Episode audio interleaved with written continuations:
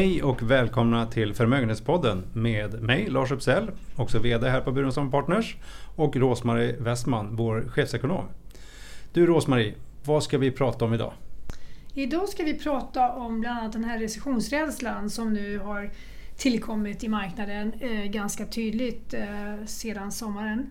Och vi ska prata lite grann också, nämna lite grann om Brexits förutsättningar och eh, nya förutsättningar kan man väl säga. Och vi ska prata också lite grann om de sektorerna i ekonomin som fortfarande faktiskt håller uppe och går bra.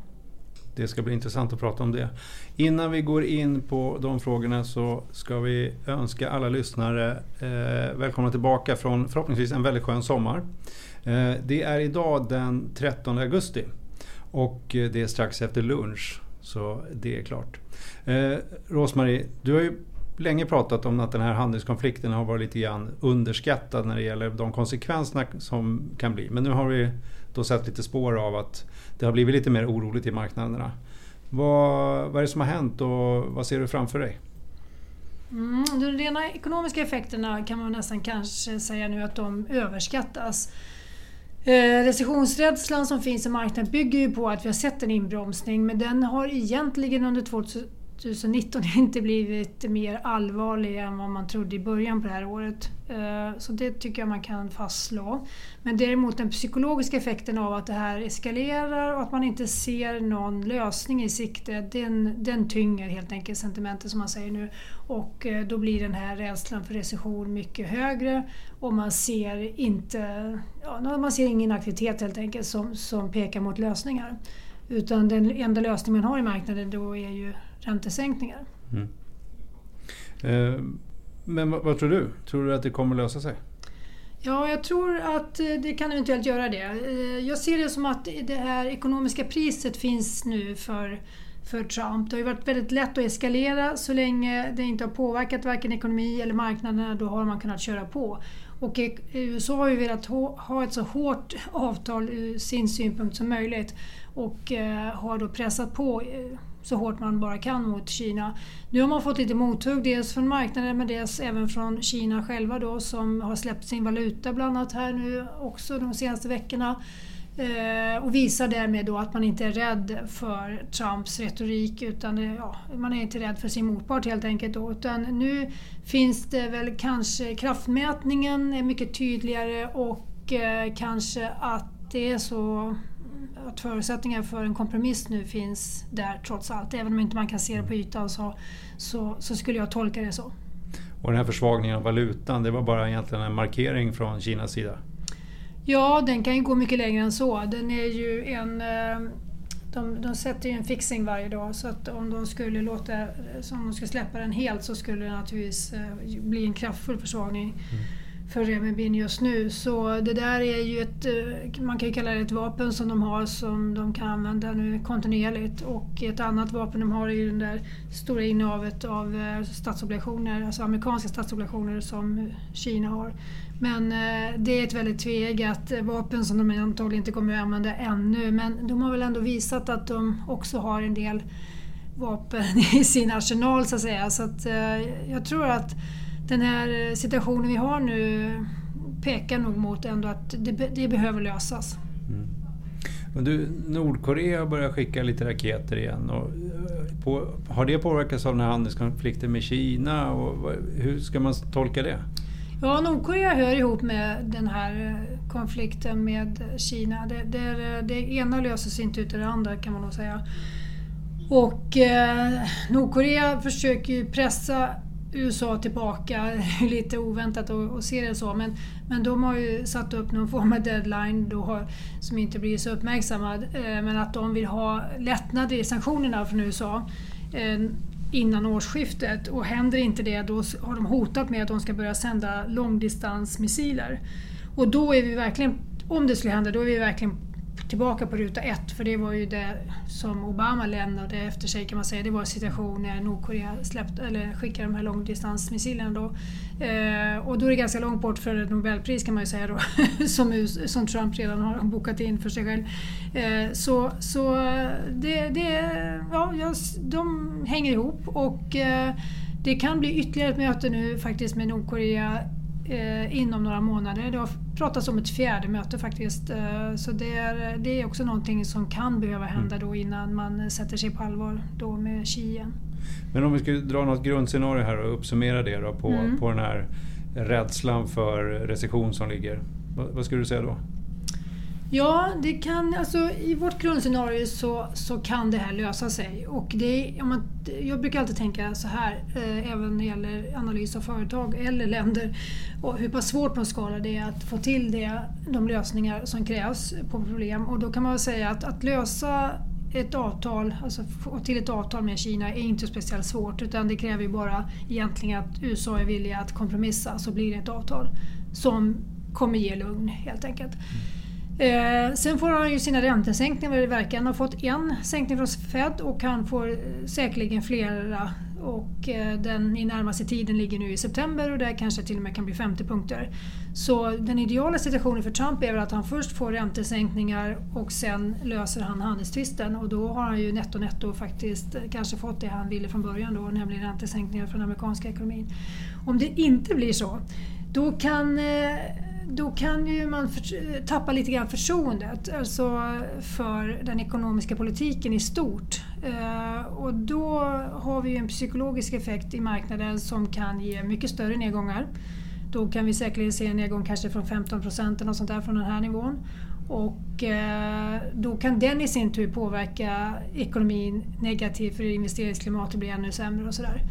Så eh, det går ju inte att utesluta att det inte blir sämre. Och jag skulle säga, alltså, det är ju väldigt svårt att sätta en siffra på det, men för mig är recessionsrisken någonstans i häraden kanske 30 procent eller någonting sånt där. Mm. Eh, bara för att få någon känsla för. Just det. Mm. Så större sannolikhet för en positiv mm. utgång av, mm. av, av det här. Då. Ehm, och när du säger nedgång på 15 procent så pratar du om den globala aktiemarknaden? Eller ja, vad tänker du på? precis. Ja. ja. Men om vi hoppar vidare och lämnar mm. den där konflikten eller oron för recession eh, och tittar lite grann på, på Brexit. Så nu räknar ju alla med en hård Brexit om jag tolkar skriverierna rätt. Och, eh, hur allvarligt kommer det vara eh, för tillväxten i Europa? Ja, man har ju varit väldigt rädd för hård Brexit och eh, all logik tidigare har ju pekat på att det inte blir någon hård Brexit. Och motstånd i parlamentet i eh, England har varit eh, stort mot avtalslöst tillstånd. Det har egentligen varit den enda enande frågan. Ja, det är den enda de har kommit ja, överens om exakt. egentligen. Och då, då, har marknaden tänkt så här, men då blir det i alla fall inte Brexit. Nu har man fått vända på det. Eh, och jag kan väl tycka att det är klart att det kommer märkas en hård Brexit, men den kommer inte bli lika allvarlig som många tror.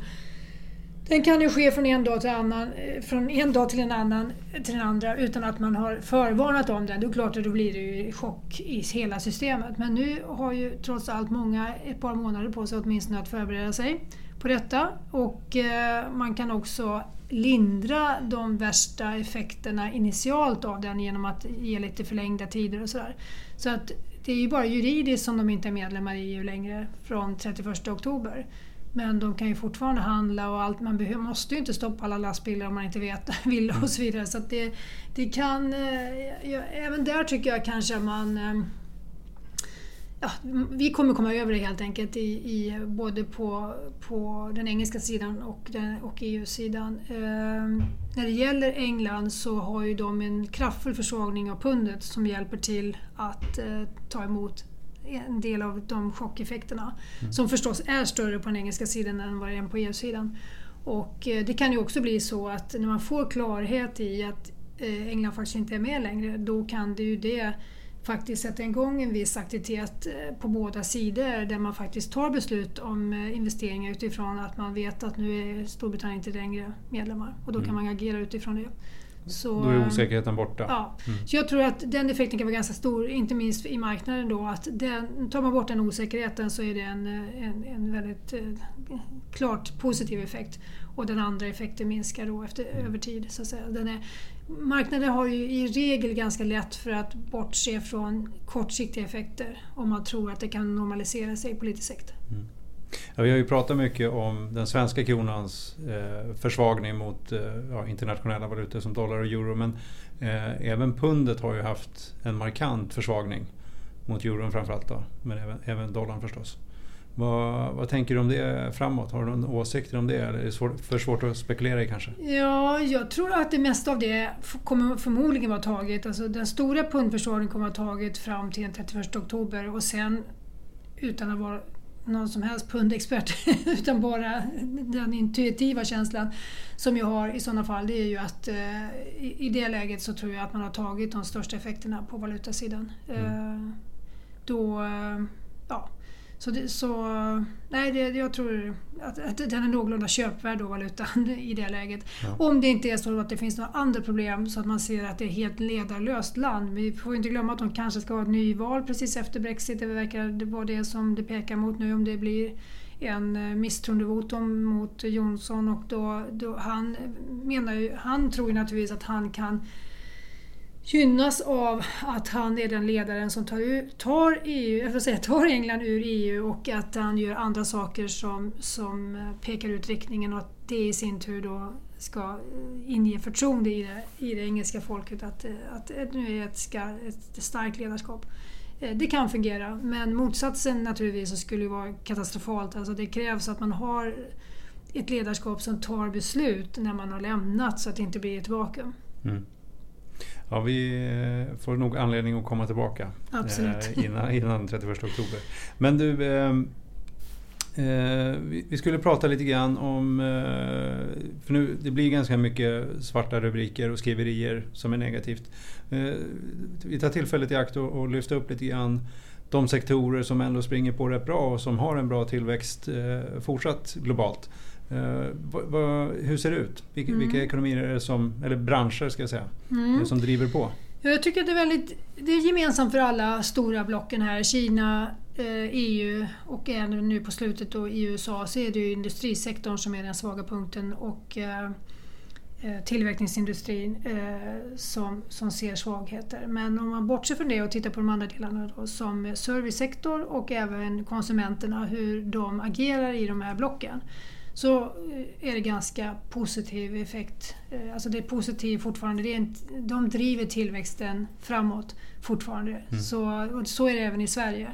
Eh, vi hade ju, om jag bara ska nämna det nu, så hade vi ju en negativ kvartalstillväxt i Sverige på minus 0,1 som var lite förvånande, förvånande och överraskande här i som vi fick siffran under sommaren då. Och eh, bryter man ner det där så är det ju ser det ut så att då är det konsumenterna som bidrar med 0,3 positivt under mm. det kvartalet. Men, men det är andra faktorer då, framförallt investeringar som vi har varit inne på förut, som drar ner totalsiffran. Men så där ser det ut i de flesta eh, geografiska områden nu, att det är konsumenterna som håller i. Och eh, det beror ju i sin tur på att vi har låg arbetslöshet. Det är ju också gemensamt. Eh, även EU som har haft hög arbetslöshet allra längst av de här blocken har ju kontinuerligt eh, fått ner den. Eh, så det finns inga, jag ska säga nästan inga negativa tecken inom eh, arbetsmarknaden någonstans. Det kan finnas tecken på att det planar ut sysselsättningstillväxten men det finns inga tydliga negativa tecken ännu som påverkar konsumenterna. Just det. Och nu hade vi ett negativt kvartal men för att vi ska definiera det som en lågkonjunktur så ska det till två, är det inte så? Mm. Två det, på raken. Så mm. där är vi inte än? Vi det är vi absolut inte än. Nej. nej. Men du, med det så tänkte jag att vi skulle avsluta för idag. Mm. Så tack till er lyssnare för att ni har lyssnat och på återhörande.